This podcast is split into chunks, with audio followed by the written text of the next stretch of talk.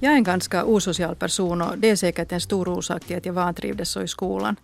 Skolan representerar allt sånt som jag har svårt med. Fasta tidtabeller, det att någon annan har lagt upp ett schema enligt vilket jag ska äta och läsa och ha ledigt. Man är tvungen att lära sig en massa saker man inte är intresserad av fast jag vet att det kallas allmänbildning. Och man är tvungen att vara väldigt tätt in på människor som man inte själv har valt att vara tillsammans med. Skolan fick mig övertygad om att väldigt många människor är bäst på ett lite större avstånd. Så att man inte behöver bekanta sig med deras kroppsljud och lukter. Tonåringar är ganska begåvade med en rejäl dos av just de här egenskaperna. Jag heter Kristel Röns och jag är din sommarpratare idag. När jag gick i skolan så var jag säker på att jag skulle bli veterinär. När jag sen hade skrivit studenten så tyckte jag det skulle vara ganska skönt med ett mellanår. Jag skulle kunna ta det lite lugnt och så skulle jag kunna förbereda mig för de här inträdesproverna. Nå, min mamma så hon höll på att söndra stora kroppsnerver när hon hörde mina planer så jag insåg att jag måste börja studera någonting hastigt och lustigt så att det skulle bli lite lugnare hemma igen. Eftersom jag i grund och botten är en kanske lite lat person så blev det förstås arkitektur. Man behövde inte läsa till något inträdesprov för att komma in till Poli, alltså till arkitektavdelningen. Det räckte med att man klarade ett mattaprov som baserade sig på långa mattan i skolan och att man kunde rita. Och jag har ritat så länge jag kan minnas. Jag sökte in till Poli Tammerfors. Vi bodde i Hagalund då när jag sökte in dit. Så att om jag skulle ha sökt in till Otnä så skulle jag ha kunnat bo hemma och det kanske inte är som man riktigt vill i den åldern utan man vill bli lite självständig. Jag tänkte att jag studerar arkitektur en tid tills jag börjar med de här veterinärstudierna. Men det var nu väl ganska väntat att inte börja studera till veterinär. Jag fick vänner och jag började trivas i Tammerfors. Dessutom lärde jag mig finska på kuppen, vilket var ganska bra. Jag hade gått i svenskspråkig skola i Helsingfors och min bekantskapskrets var väldigt svenskspråkig. I Tammerfors var det en chock att märka att man inte klarar sig på en dålig skolfinska. Jag försökte delta i de här diskussionerna. Jag funderade noggrant hur jag skulle säga det på finska. Och sen när jag hade den här meningen färdig i huvudet så pratade alla redan om någonting annat. Så jag var ganska tyst då i början. Men att jag lärde mig finska med tiden. Och nu är min finska ganska sådär hyfsad. Jag är till och med gift på finska. Jag jobbar väldigt mycket på, min, på finska. Min man så han talar också en perfekt svenska så vi använder båda språken egentligen lika mycket och barnen är tvåspråkiga men de går förstås i svenskspråkig skola. När jag var barn så, så lyssnade min pappa väldigt mycket på gammal jazz och klassisk musik. Klassisk musik blev aldrig riktigt min grej. Min pappa påstår att när man blir äldre och fiffigare så börjar man förstå sig mer på klassisk musik men att jag har inte ännu blivit så fiffig. De här kvinnliga jazzsångerskorna som min pappa lyssnade på när jag var barn så de lyssnar jag fortfarande på. Ella Fitzgerald och Dana Washington och Sarah Vaughan med mera. Här kommer Sarah Vaughan med Jobb Blasé. Efter att ha studerat i ungefär fyra år så började jag jobba på en arkitektbyrå. Mina studier var ännu på hälft men att jag jobbade där i ändå sex, sju år. Tanken var att jag skulle jobba en tid och sen slutföra mina studier. Men så kom Laban och jag blev arbetslös, precis som en massa andra arkitekter och studerande. Jag hade just köpt bostad, jag hade både bostads och studielån. Och först nu så erkände jag för mig själv att jag egentligen inte ville bli arkitekt, att jag bara hade hamnat där på grund av omständigheter. Jag hade av någon för mig själv senare oklar anledning under den tid jag jobbade så sökte in till Konstindustriellas grafiska kvällslinje. Jag studerade där i ett par år på sidan av arbete. Det var ganska tungt. Först jobbade jag på den arkitektbyrån på dagarna och sen studerade jag från fem till nio på kvällen. Och sen kom jag hem och gjorde övningsarbetena. Och det blev i längden så tungt att jag beslöt att de här gra grafikerstudierna får nu lämnas. Och jag till och med skrev ut mig ur skolan, vilket var fullständigt idiotiskt. Men jag har en tendens att göra saker och ting ganska grundligt då när jag gör dem. Nu när jag blev arbetslös så insåg jag att de här grafikerstudierna var någonting som jag skulle kunna fortsätta med. Men jag måste förstås söka in dit på nytt och den här gången sökte jag in till den här normala dagslinjen. Jag tror dessutom att den där kvällslinjen inte fanns då mera. Jag hade nu en betydligt större motivation att studera. På Konstindustriella hade jag dessutom en av de bästa lärare jag någonsin haft, Pekka Loiri, som undervisar i typografi. Han är en otroligt karismatisk person som kunde reta gallfeber på mig ibland med sina åsikter.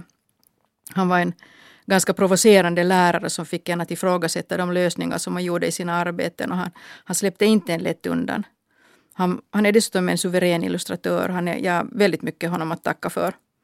Det blev ingen typograf av mig fast det var det som jag gjorde i början av min nya karriär. Just sådana som tidningar och bokpärmar och logon och sånt. Men så småningom så började jag illustrera mer och mer till tidningar och, och bokpärmar. Och sen började jag illustrera barnböcker och nu har jag illustrerat barnböcker nästan uteslutet i 13 år och det har blivit ungefär en 60 böcker och tre stycken som jag har skrivit själv. Jag arbetar som frilans vilket passar mig perfekt. Jag har ett otroligt stort behov av att få vara ensam ganska mycket. Och när jag får sitta ensam hela dagen på mitt kontor så känns det ganska uppfriskande och roligt att träffa andra efter det. Jag tror att ganska få från min bekantskapskrets ser mig som speciellt osocial men det beror på att jag får vara tillräckligt mycket ensam i jobbet. Det uppväger just lämpligt så att jag kan vara social till en tillräcklig grad. Nu när jag själv får besluta när och var och hur jag arbetar så är arbetet för det mesta enormt roligt. Även då när jag inte får inspiration så är det helt okej, okay. jag arbetar ändå. Inspiration är, som min kollega Salla Savolainen säger, det är en lyxvara. Och den kommer om den kommer, men man kan inte bli och sitta och vänta på den, då kan man sitta och vänta länge. Ju friare ett arbete är, så desto hårdare måste en självdisciplin vara för att man ska få någonting gjort. För mig är det sällan ett problem. Jag tycker väldigt mycket om det jag gör. Men det är klart att ibland så känns det motigt. De här tidtabellerna kan vara ganska grymma och idéerna kommer förstås inte på beställning. Men det är förstås så med alla arbeten. Jag tycker ändå att jag kan vara lycklig som jag hittar ett yrke som jag trivs med. Arbete är en så otroligt stor del av vardagen att om man skulle, inte skulle trivas med sitt arbete så skulle det vara ganska sorgligt.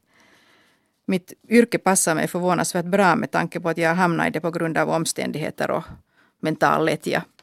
Och dessutom så när jag ser på vår bekantskapskrets där nästan alla har kreativa yrken och jag inser hur svårt det är just nu att få arbete så, så känner jag mig väldigt lyckligt lottad att överhuvudtaget ha jobb. Det har varit ganska svåra tider länge för många grafiker. Varje gång jag får ett nytt arbete så måste jag gå igenom ett visst segt mönster för att få det att bli till någonting. Det går egentligen till så att förlaget skickar åt mig en text som jag läser igenom och som jag för det mesta blir ganska inspirerad av. Och jag börjar brinna av iver att få börja illustrera det här och liksom bearbeta den här texten. Så börjar jag skissa och i och med att jag börjar skissa så rasar allt sönder och samman. De skisserna blir urdåliga och jag är säker på att jag aldrig ens har kunnat rita någonting och jag är säker på att snart kommer alla att märka att jag är en stor bluff. För det mesta så slår jag huvudet i väggen i en vecka eller två. Jag håller på och skissar och ragear som mina barn uttrycker det. Jag får absolut ingenting till stånd. Det är alltid lika frustrerande och förödmjukande. Men sen så småningom så faller de här bitarna på plats och de här skisserna börjar ta form. Men att det krävs nästan alltid det här samma grymma förnedrande arbetsprocessen. Det här sista skedet då när allting är färdigt skissat och jag kan sen börja göra de här bilderna rena, alltså färdiga. Så det, det är det skedet som jag älskar, det är det bästa. Allt som är före det så är egentligen bara en grym pina det här att göra de här bilderna rent och få faktiskt göra de här bilderna, så det är orsaken till att jag jobbar. Det är liksom det som jag tycker mest om. Det är det fina i mitt arbete. Jag jobbar alltid ensam utan några kommentarer från författare eller förlag. Jag visar ogärna någonting för kunden innan jobbet är färdigt. För mig går allt åt skogen om de blandar sig i det jag gör. De förlagen vet redan att de inte väntar sig några mellanskisser av mig. Jag vet att hemskt många illustratörer jobbar på det här sättet. De diskuterar med förlag och författare och bollar fram och tillbaka med idéer. Men att jag är obeskrivligt dålig på teamwork. En nackdel med mitt arbete är att jag egentligen aldrig får någon riktig feedback. De här tidningarna har ju minskat väldigt mycket på recensioner, i synnerhet när det gäller barnböcker. Jag brukar ibland söka på nätet efter recensioner. Det finns en hel del bra bloggar med barnböcker. Efter det att jag hade vunnit det här Finlandia juniorpriset så stötte jag på en nätsida där en del människor var väldigt arga över att jag hade fått det här priset. No, det berodde förstås på att jag är svenskspråkig. De kallade mig för Rannikko Hurri och de tyckte att jag skulle kunna fara tillbaka till Sverige. Det var, det var ganska märkligt att stöta på sådana här. Det här är ju ingenting jämfört med de, det näthat som man har läst om i tidningarna på sista tiden. Men att det kändes ändå ganska otrevligt att någon namnlös riktar sitt missnöje mot en personligen. Jag heter Kristel Röns och jag är din sommarpratare idag. Jag var 30 då jag bytte bana och började studera till grafiker på Konstindustriella högskolan. Och där träffade jag också min blivande man. Han är grafiker, han jobbar nu som professor på grafiska avdelningen på Aalto som det här Konstindustriella nu för tiden heter. Han är lång, utåtriktad, intelligent och har humor. Han är min totala motsats. Det sägs att lika barn leker bäst men jag tror inte riktigt på det där. Om jag skulle vara tvungen att leka med någon som påminner om mig så skulle den ena av oss vara huvudkortare väldigt hastigt. Och det skulle inte vara jag. Personlighetsdrag och olikheter så de slätas ut med åren. När det gäller tvära och kanske en aningen kantiga personer som jag så är det bara bra. Men det är också det enda positiva med att åldras. Alla som säger att det är fint att bli äldre så de ljuger. Eller så är de bara enfaldiga. Eller så är de unga. Jag är nu 52 och jag tycker att det känns otroligt trist att kroppen inte håller på samma sätt som tidigare. Och man kan inte precis påstå att rynkorna är hemskt upplyftande heller.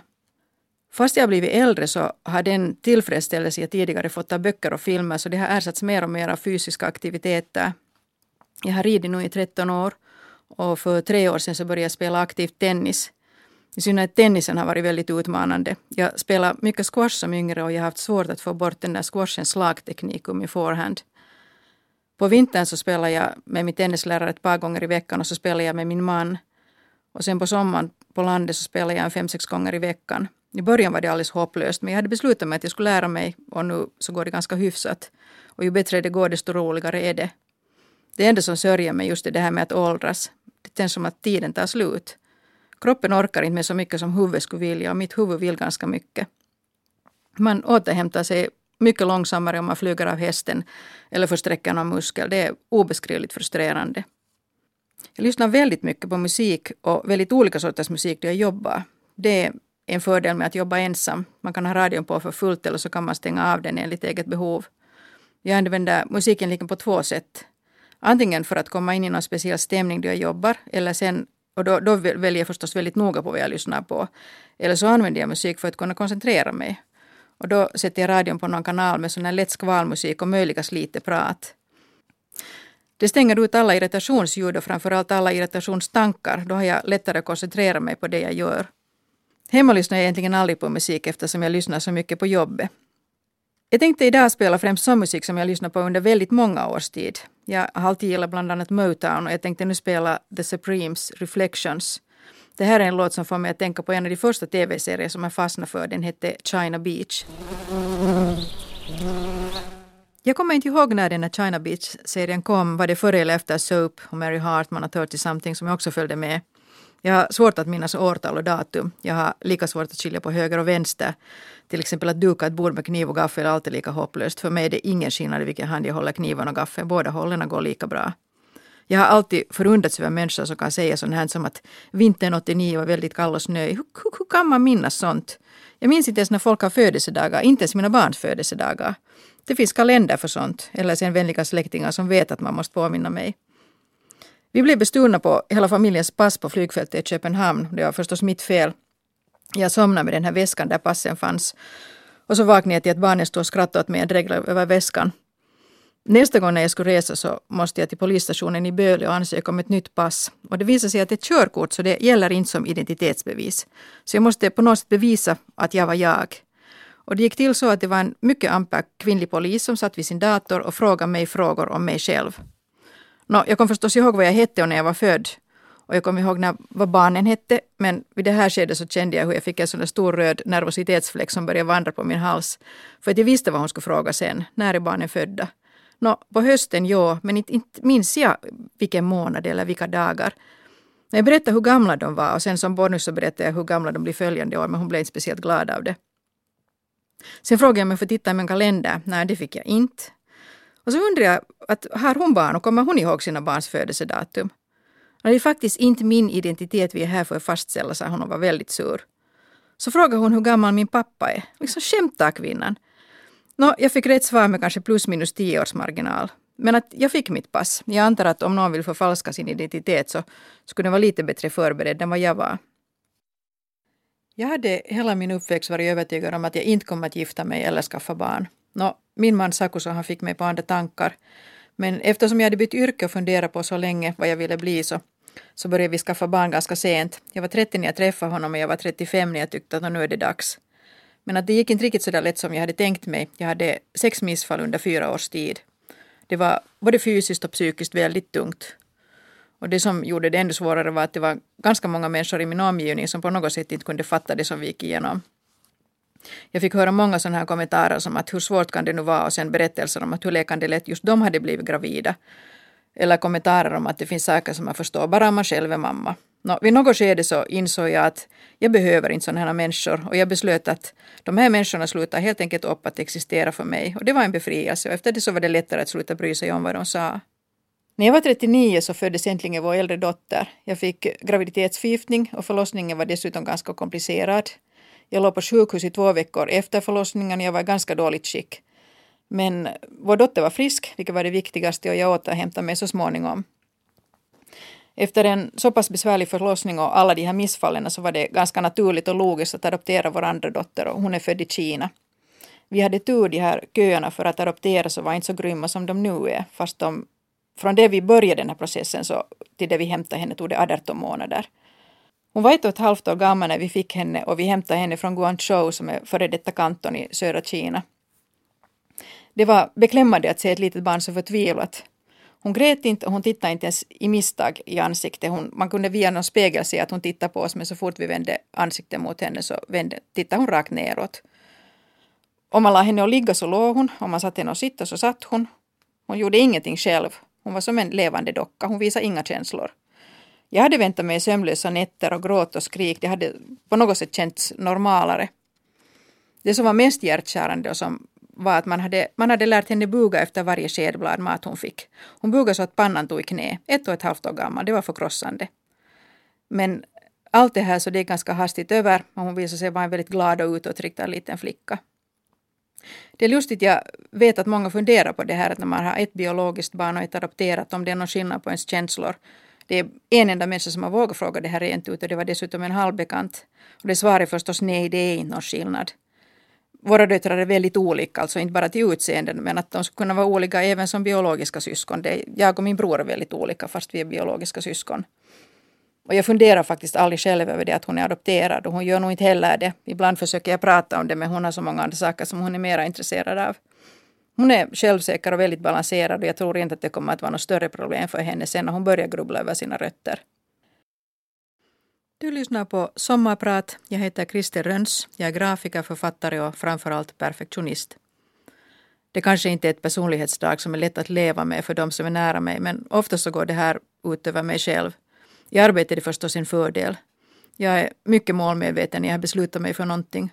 Oberoende om det gäller arbete eller fritid. Det kan vara fråga om något som jag vill ha eller något som jag vill lära mig. Som just till exempel den här tennisen som jag pratade om tidigare.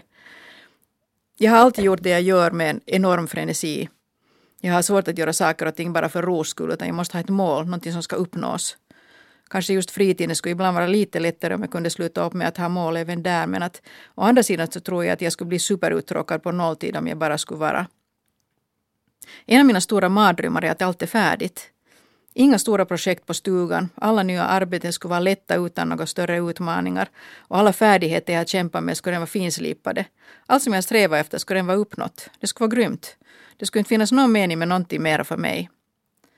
Jag tror att man är lyckligast då det finns en mängd mål som man ännu vill uppnå. Att livet i en viss grad alltid är lite ofullständigt. Att få drömma om någonting och jobba för att uppnå det, det är lycka.